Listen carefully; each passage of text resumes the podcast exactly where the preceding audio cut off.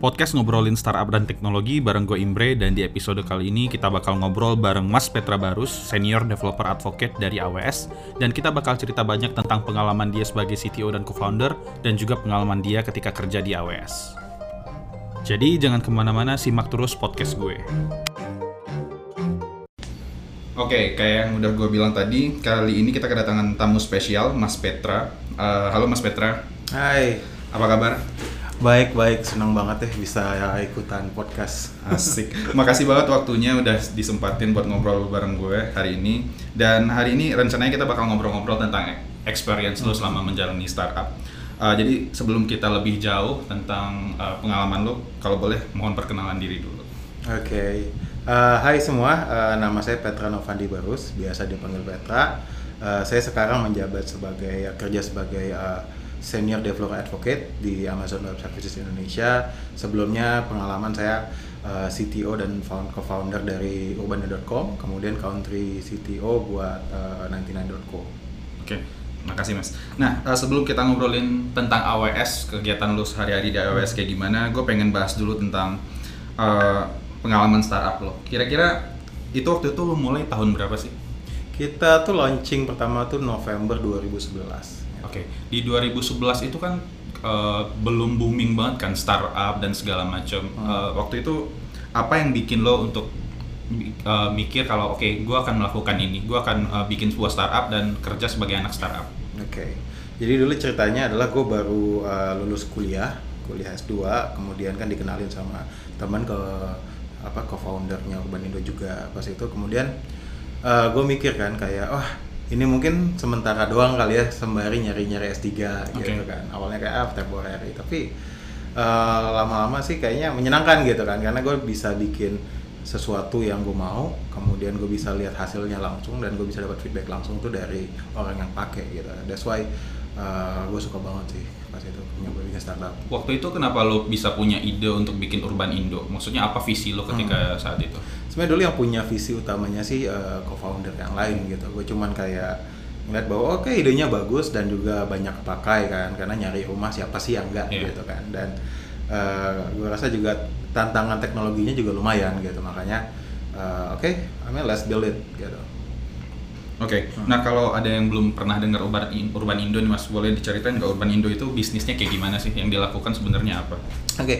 jadi Urban Indo itu kita uh, basically real estate portal di mana ada pembeli dan penjual. Jadi pembeli ya biasa kayak kita jari kayak rumah, tanah, apartemen. Terus yang jual juga biasanya pemilik langsung atau misalnya agen juga. Dan uh, bisnisnya adalah ya kita ada namanya dulu premium. Uh, jadi orang yang pengen kayak propertinya di uh, targeted ke pembeli yang uh, apa target itu bisa bayar dan kita bisa uh, apa namanya mentargetkan properti itu gitu. Jadi bisa lebih cepat kejual. Oh jadi marketplace ya kira-kira ya? Ya yes, exactly. Oke okay, nah uh, waktu itu role sebagai CTO uh, kalau boleh tahu tim lo ada berapa orang sih? Wow, uh, pas kita akhir tahun 2017 tim kita tuh sekitar 30-an ya 30 ya, itu data engineering sama produk jadi cukup kecil uh, itu tim engineering doang atau the whole company pada saat itu kalau the whole company-nya sekitar 80-90 Oke, okay, itu di Bandung. Di Bandung semua. Karena waktu itu lo habis uh, lulus kuliah langsung bikin ini ya. Betul. Nah, uh, kalau boleh tahu selama tujuh tahun lo ngejalanin ini, ada ini nggak sih mas uh, cerita-cerita menarik atau kayak semacam pencapaian yang menurut lo bisa lo share ke orang-orang? Uh, dari segi apa pun yeah. uh, engineering atau apa pun itu? Wow banyak banget ya. Maksudnya pas uh, lebih ke perjalanan hidup juga sih dari mulai gue sebagai uh, orang yang biasa ngoding sendiri terus sampai harus mimpin tim hiring segala macam bentukin sistem itu juga uh, hal yang sangat menarik gitu kan selama 6-7 tahun lah. Dan juga uh, kita dari mulai bukan siapa-siapa hingga uh, semua agen di Indonesia basically tahu kita yeah. dan kita juga jadi uh, properti apa namanya portal yang paling gede yeah. gitu dalam waktu mungkin kurang dari 4 sampai lima tahun. Mm -hmm. I think that's that's a very big uh, achievement yang uh, saya rasa saya cukup bangga sih. Itu dengan orang yang 30 itu dari awal. Dari awal sih saya lumayan sendirian sih dari awal ngoding sendiri. Lu sendirian? Satu tahun Terus mulai hiring? Tahun. Ya. Mulai hiring kapan? Okay. Mulai hiring tuh pas udah mulai penggunanya udah banyak banget okay. dan fitur-fiturnya kan kita dapat feedback banyak ya dari yeah. agen, dari pembeli dan itu mulai uh, keteteran kan Hmm. apalagi juga mulai banyak fitur awalnya kita pakai mulai kayak desain kita pakai template cuman kan kalau udah mulai fiturnya udah kompleks kan desainnya kan harus Ya. custom gitu kan jadi udah mulai hire des- designer kemudian mulai hire uh, another front end terus back end Hmm. kemudian juga mulai hire orang produk supaya pengen apa uh, ngebantu prioritizing juga Itu gitu. setelah tahun pertama ya. setelah tahun pertama Oke, nah kalau dulu gue nggak tahu nih, kalau waktu itu gue masih kuliah. Eh, pada tahun 2011, 2012, 2013, ekosistem startup ini kayak gimana sih mas waktu itu? ekosistem startup actually mulai booming juga sih karena di tahun setelahnya itu kan eh, Traveloka juga Oke, mulai iya. apa namanya mulai ada gitu kemudian juga eh, kita sebenarnya udah udah banyak kayak eh, startup-startup yang lain di Bandung sama di Jakarta.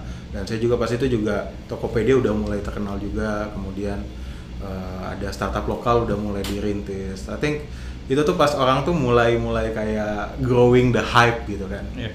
jadi orang-orang kayak oke banyak yang bikin startup. Even di sangkatan saya juga banyak banget yang bikin startup. Mhm. karena melihat seperti itu Nah waktu itu eh, apa ya kayak ekosistem dari investor pun kondisinya udah kayak sekarang belum sih? Karena kan waktu itu ba- relatif baru kan. Hmm. Sementara kayak e-commerce, kayak contoh lah anggap eh, Bukalapak pada waktu itu kan juga eh, mulai dari eh, kayak garage, kemudian Traveloka pun juga mulai dari sekian kecil orang sampai akhirnya dapat invest investor. Kalau eh, in case Urban Indo waktu itu gimana mas? kita dulu eh, sebenarnya udah ada sih nggak nggak banyak nggak sebanyak sekarang ya dulu eh, investor pertama kita kan East Ventures dan Iya. East Ventures juga terkenal apa namanya eh, invest di company-company yang kayak pionir gitu yang Oke. apa yang bikin hal-hal yang baru ever yang evergreen kayak gitu dan baru sih mulai kayak dua tahun tiga tahun tuh udah mulai banyak kayak apa eh, venture, capital yang baru-baru juga Iya.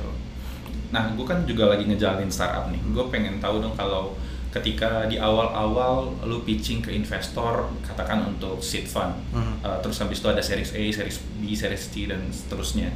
Itu untuk setiap uh, stage itu uh, ini nggak sih uh, hal yang lu sampaikan ke investornya? Apakah ada perubahan atau sebenarnya tetap dengan visi misi lu di awal dan segala macam?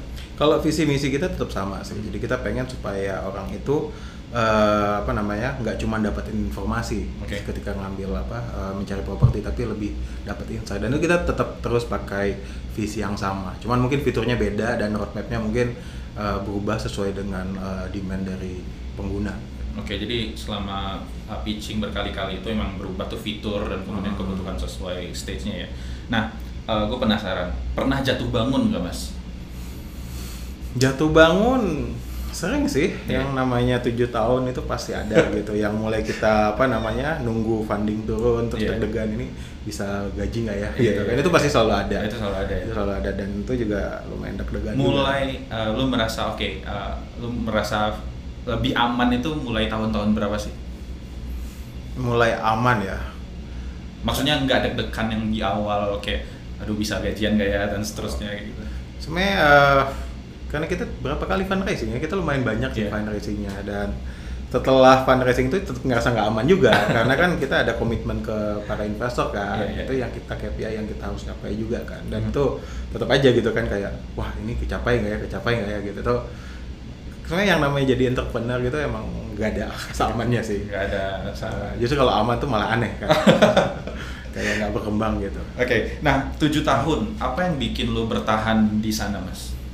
Apa ya karena eh, saya ngelihat kayak properti itu saya yakin properti lumayan eh, selalu booming kan Iya. karena meskipun dulu orang bilang kan takut bubble takut bubble tapi Iya. actually nggak nggak happening dan orang selalu apa dan saya lihat juga sekarang banyak sekali masalah kayak millennials gitu yang susah buat nyari rumah Mhm. gitu kan itu juga yang saya pengen kayak wah angkatan gua nanti udah pas umur umur mau nyari rumah gimana gitu Iya. kan jadi jadi gua apa namanya eh, ya mulai bertahan kayak bikin fitur yang bisa bantu mereka kemudian bikin ide baru gitu dan juga yang paling bikin bertahan selanjutnya adalah feedback dari agen dari pengguna bahwa mereka tuh kayak ada agen-agen yang mereka bukan eh, agen profesional sebelumnya gitu tapi mereka mungkin kayak hobi tapi jadi agen profesional karena Urban Indo Oh, Oke. gitu. kemudian juga ada orang Impact ya? impactnya Oke. itu yang yang saya paling suka bahwa saya tuh eh, kita bikin urban itu mengubah hidup orang gitu meng- apa menambahkan kayak eh, orang jadi punya rumah orang jadi punya lapangan pekerjaan gitu itu yang uh, menurut saya sangat uh, memotivasi. Oke, okay. menarik. Halo pendengar podcast ngobrolin startup dan teknologi. Kalau kalian pernah dengar istilah data driven organization, ingin memperkaya pengalaman dan jadi bagian dari perusahaan yang berhasil menggunakan big data untuk produk mereka, nggak usah khawatir lagi. Traveloka is hiring for data engineer. Responsibility-nya apa? Sebagai data engineer, kalian akan punya tugas untuk merancang, implementasi, dan maintain big data infrastrukturnya Traveloka, including monitoring, alerting, dan debugging infrastrukturnya. Ada jutaan event tiap hari yang masuk ke data lake-nya Traveloka, dan kalian bisa bayangkan sendiri tantangannya bakalan kayak gimana. Kalian juga akan berkolaborasi dengan tim produk dan lain-lain untuk memecahkan permasalahan mereka dengan menggunakan data teknologi. Requirement-nya apa aja? Pertama, punya passion dan pengalaman dengan best practice dan prinsipal penting di dunia software engineering, big data, dan sistem arsitek. Kedua, familiar dengan big data infrastruktur dan tooling di cloud kayak Kafka, Spark, PubSub, dan database seperti Bigtable, BigQuery, dan lain-lain. Yang ketiga, kalian harus familiar dengan Java.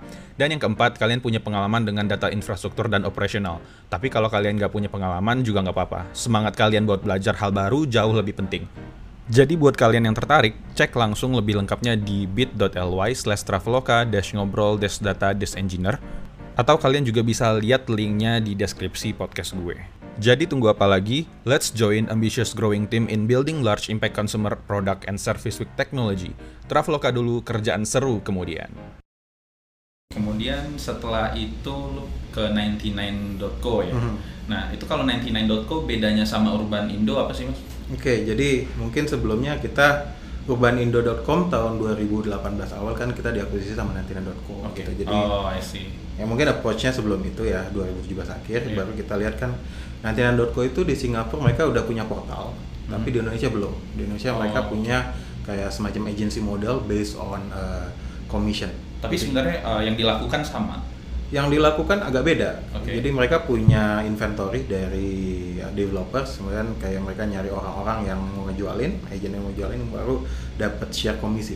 Oh, Sementara okay. kalau Urban Indo kan kita portal gitu kan. Yeah, yeah. Jadi kita lihat kayak ini ada dua sinergi yang dua hal yang bisa bikin sinergi yang sangat bagus. Mm -hmm. Gitu. Jadi dengan kita punya the biggest agent network dan the biggest uh, inventory on the market, mereka punya uh, sistemnya dan modelnya. I think begitu kita gabungin uh, kita melihat kayak ini potensinya gede banget gitu. Oke. Okay.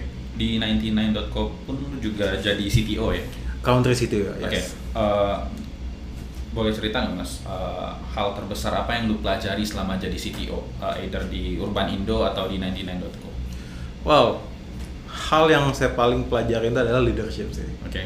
Gitu, jadi uh, mungkin kita sebagai engineer tuh kan ngerasa kan kita nggak butuh orang gitu kan. Dan ketika kita mulai berada di posisi atas itu kita uh, harus bisa ngelit sih. Itu yang saya tuh journey personalnya. Kemudian juga uh, culture building itu baru setelah 99 ku kita akuisisi itu kan ada dua culture yang sangat berbeda gitu kan. Dan pas itu ya udah saya coba kayak rebuilding the, the culture takes what the best from Singapore take what the best from Indonesia team kemudian kita set up like new systems and then uh, jadi by the end saya keluar tuh uh, apa namanya kita udah punya banyak uh, udah punya sistem yang sangat bagus dan juga kita udah yang dan terlalu berkembang dan juga culture yang juga kuat gitu di antara kedua uh, apa kedua tim.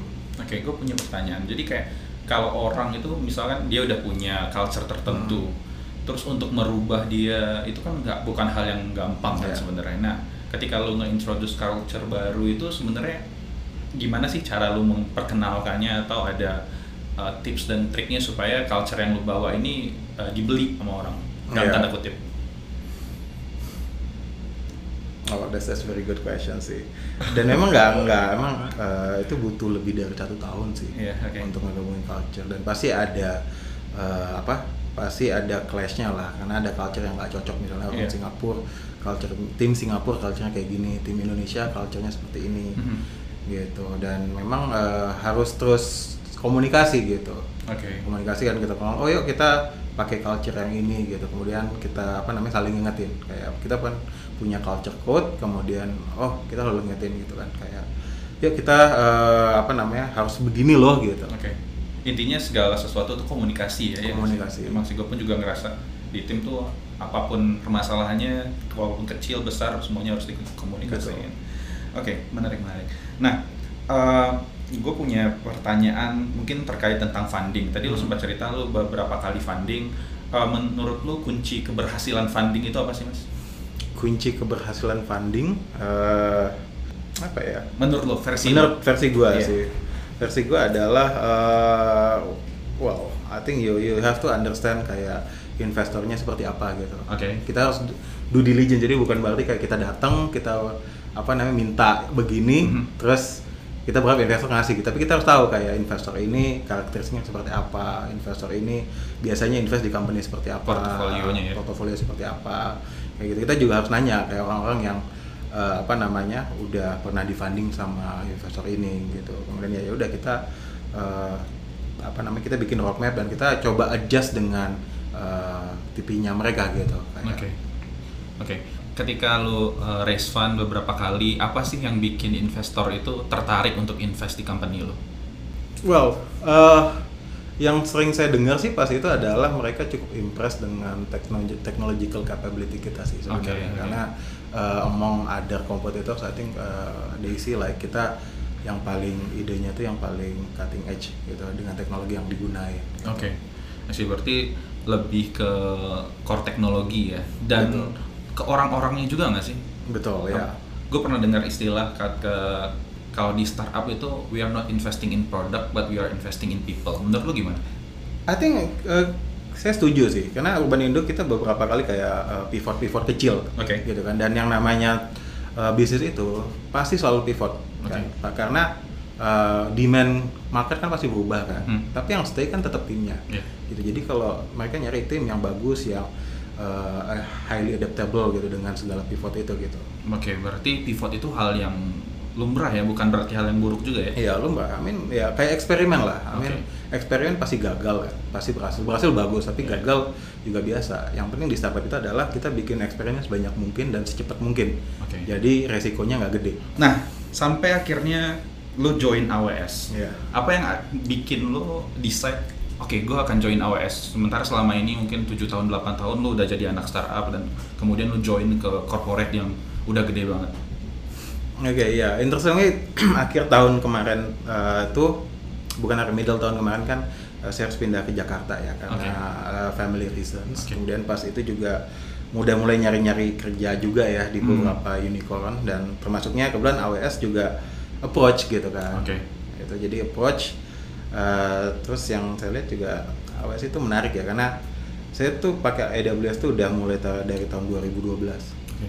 Dari awal banget ya? dari awal banget gitu Ah. pakai AWS dan uh, saya lihat juga fiturnya sangat membantu gitu. Jadi hal pertama ya saya pengen kayak uh, gimana caranya saya bisa ngebantu uh, startup-startup lain gitu. Karena kan saya saya terbantu banget dengan AWS, saya bisa bikin uh, fitur dengan cepat dan dengan tim yang sangat lean. Oke. Uh, well, dengan ya bantuan cloud computing gitu AWS. Kemudian ya uh, ya udah di sini jabatan yang sebenarnya developer advocate gitu Oke. kan. Jadi saya bisa di sini saya bisa bantu kayak ketemu dengan startup, belajar yang mereka uh, butuhkan. Kemudian saya bisa kayak oh iya pakai ini aja gitu. Kemudian kedua juga saya lihat AWS itu kulturnya menarik ya, sangat strong, Yeah. very very strong. Uh, dan juga yang uniknya adalah AWS dan Amazon itu kayak startup uh, inside of enterprise. Oke. Uh, jadi begitu masuk tuh kayak suasananya nggak ya mirip-mirip lah gitu sama startup gitu kan. Uh, everybody has like ownership, uh, very independent, highly independent, highly autonomous. Kayak gitu. Dan juga saya pengen uh, ngeliat juga AWS itu kan dan Amazon juga fiturnya selalu banyak ya. I mean AWS sendiri kayak hampir tiap minggu selalu ada fitur baru kan. Saya Iya. pengen tahu kayak how do they uh, do it gitu kan. Dan juga saya belajar kayak oh this is interesting.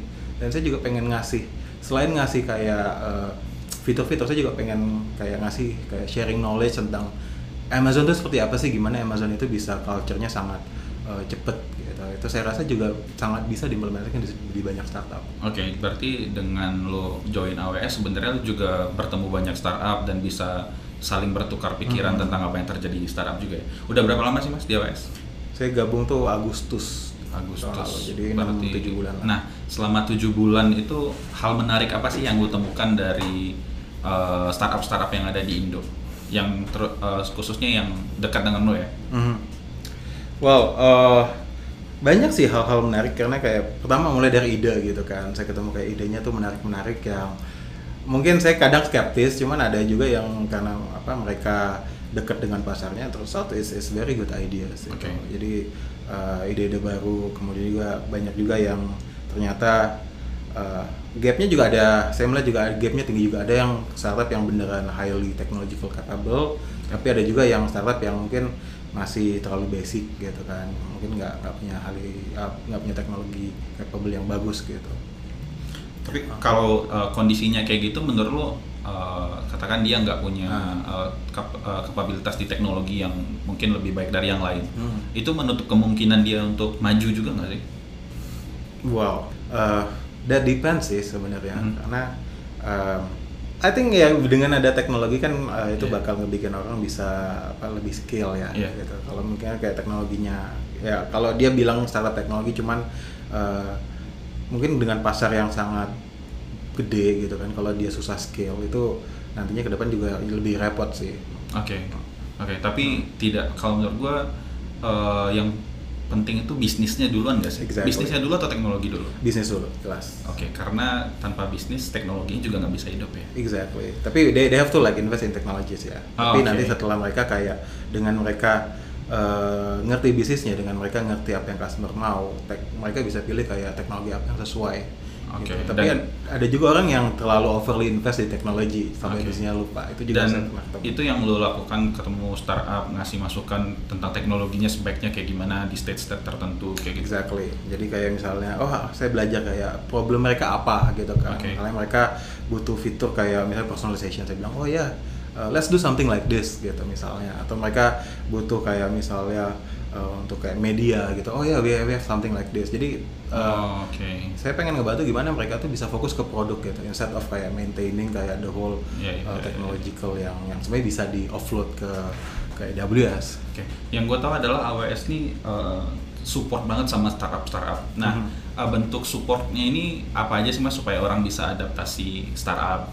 Ada Well, program-program AWS? Well, yeah, we have namanya uh, AWS Activate. Oke. Jadi itu uh, apa namanya company-company yang sign up ke program Activate kita bisa bantu dengan kredit supaya mereka bisa lebih cepat adopt-nya gitu kan. Oke. Jadi mereka bisa testing, eksperimen new products tanpa uh, resiko yang gede gitu. Jadi jadi yang mereka spend adalah human resource instead of like uh, teknologinya gitu kan. Oke. Kemudian juga kita juga ada kayak training sama support juga kita kasih kayak uh, apa namanya uh, consultation hour with our uh, SA jadi mereka bisa Oke. bisa kayak apa sharing kayak oh ini kira-kira gimana gitu bagus atau enggak uh, apa arsitekturnya Untuk dapat uh, AWS Activate tadi itu ada cara-caranya nggak mas yang bisa lo share? well uh, kita ada uh, ada websitenya jadi aws.amazon.com/activate Mhm. gitu. kalau tekan tadi ini bisa sign up di situ Oke, jadi sign up langsung aja ya. Ah, ah. atau ya men ya you can you can uh, call me directly contact me directly nanti saya juga bisa bantu buat uh, onboarding ke programnya Oke, sip, mantap, mantap kali Bang AWS. Hmm. Nah, gue punya beberapa pertanyaan terakhir, tapi ini mungkin lebih ke pandangan lo tentang apa yang bisa dilakukan oleh orang. Pertama, eh, masukan terbaik lo untuk para founder startup oh ya atau apa ya, komentar atau masukan atau apa pun itulah. kalau masukan saya sih uh, pertama apa ya ya do lot of experiments tapi dengan uh, iteration yang very short gitu Oke. jadi kita bisa banyak dapat data point kita bisa tahu kayak customer itu sebenarnya maunya kayak gimana that the first and then the second is like uh, build uh, your culture as early as possible Oke. karena dengan culture itu nggak bikin tim itu jadi lebih scale jadi Oke. semua orang dengan bisa berpikir dengan prinsip yang sama Oke, eksperimen dan culture. Ya. Mantap. Nah, pertanyaan terakhir nih tentang startup. Kalau lu punya kesempatan untuk memperbaiki masa lalu lu, Mhm. se- eh, ketika ngejalanin startup dulu, apa yang akan pertama kali lo lakukan? Wow, kalau sebenarnya kalau disuruh ngulang lagi di sekarang, Iya. I think uh, I mean zaman zaman 2011 tuh kayak teknologi itu nggak nggak semudah sekarang ya. Oh, iya, I mean iya. like uh, I mean compare to AWS dulu tuh masih belum banyak kayak kontainer segala Yes. macam ya. Kalau sekarang mungkin saya bisa uh, try like uh, with you know try as much as possible like sekarang saya di AWS kayak ada service yang siap pakai. Ya udah saya tinggal pakai itu aja sebelum Oke. mungkin kayak saya bikin yang lebih customized. kayak Karena gitu. kalau dulu lu ini ya, eh, deploy server sendiri, beli server sendiri. Dulu awalnya ya, cuman pas itu uh, tahu ternyata oh AWS ada di Singapura ya udah kayak gitu. Ah, Dan dulu juga kayak apa namanya kayak CICD kan belum se Iya, iya, ini iya. sekarang kan. Pasti masih manual-manual gitu ya. masih manual tapi akhirnya ada juga yang di automate karena kan misalnya dulu udah ada chef Iya, iya, iya, Kalau iya. sekarang kan udah ada banyak gitu kan Yes. pilihannya dulu pilihannya masih terbatas kalau sekarang sih yo, I'll, I'll- apa ya uh, in terms of technology I'll do like my uh, automation like early as possible jadi Oke. ketika bikin eksperimen tuh ya kalau gagal ya udah matiin aja gitu jadi Ah. nggak banyak langkah manual gitu. then I try like use like outsource as many services as possible Mhm. jadi I can focus on my product gitu Oke, menarik. Eh, Oke, Eh, itu semua pertanyaan yang gue punya tentang startup dan pengalaman lo. Gue punya beberapa pertanyaan eh, lucu-lucu aja sih. Oh, apa? Kayak eh, lo hobi lo apa sih mas? hobi gue sketching sama baca buku Nah, buku favorit yang lu suka- lagi lo baca? sekarang tuh eh, kalau misalnya buku favorit saya tuh sekarang tuh lagi baca kayak buku-buku yang leadership sama Oke. bisnis juga kayak strategi misalnya kayak HBR Oke, gitu kan iya, apa iya. business review kalau untuk fiction sekarang tuh lagi baca bukunya apa namanya Jack Reacher Oke, itu tentang? oh Jack Reacher tuh kayak military police yang dia udah eh, apa retire kemudian namanya solve cases gitu Oh, I see. Oke, oke, oke. Nah, kalau buku yang menurut lo perlu banget orang baca wow tentang apa pun? ada banyak pertama eh, I really recommend kayak Seven Habits Oke. itu kemudian eh, kedua How to How to Win Friends itu yang Dale Carnegie Carnegie kemudian juga kalau buat teman-teman yang pengen mulai ke manajerial saya sangat eh, recommend kayak High Output Management itu buku High bagus output banget management. Oke, cool. Thank you mas. Eh, itu aja. Gua nggak punya pertanyaan lagi. Makasih udah nyempatin waktunya. Eh, semoga yang ngedengerin ini jadi dapat inspirasi dan bisa belajar banyak. Kalau seandainya kayak biasa, kalau seandainya kalian punya pertanyaan atau feedback atau masukan mau topik apa atau orangnya siapa yang akan kita undang, kabari gue di Twitter @imbrenagi. Eh, dari gue itu aja. Makasih semuanya. Makasih Mas Petra. Sampai ketemu lagi. sampai ketemu lagi Oke.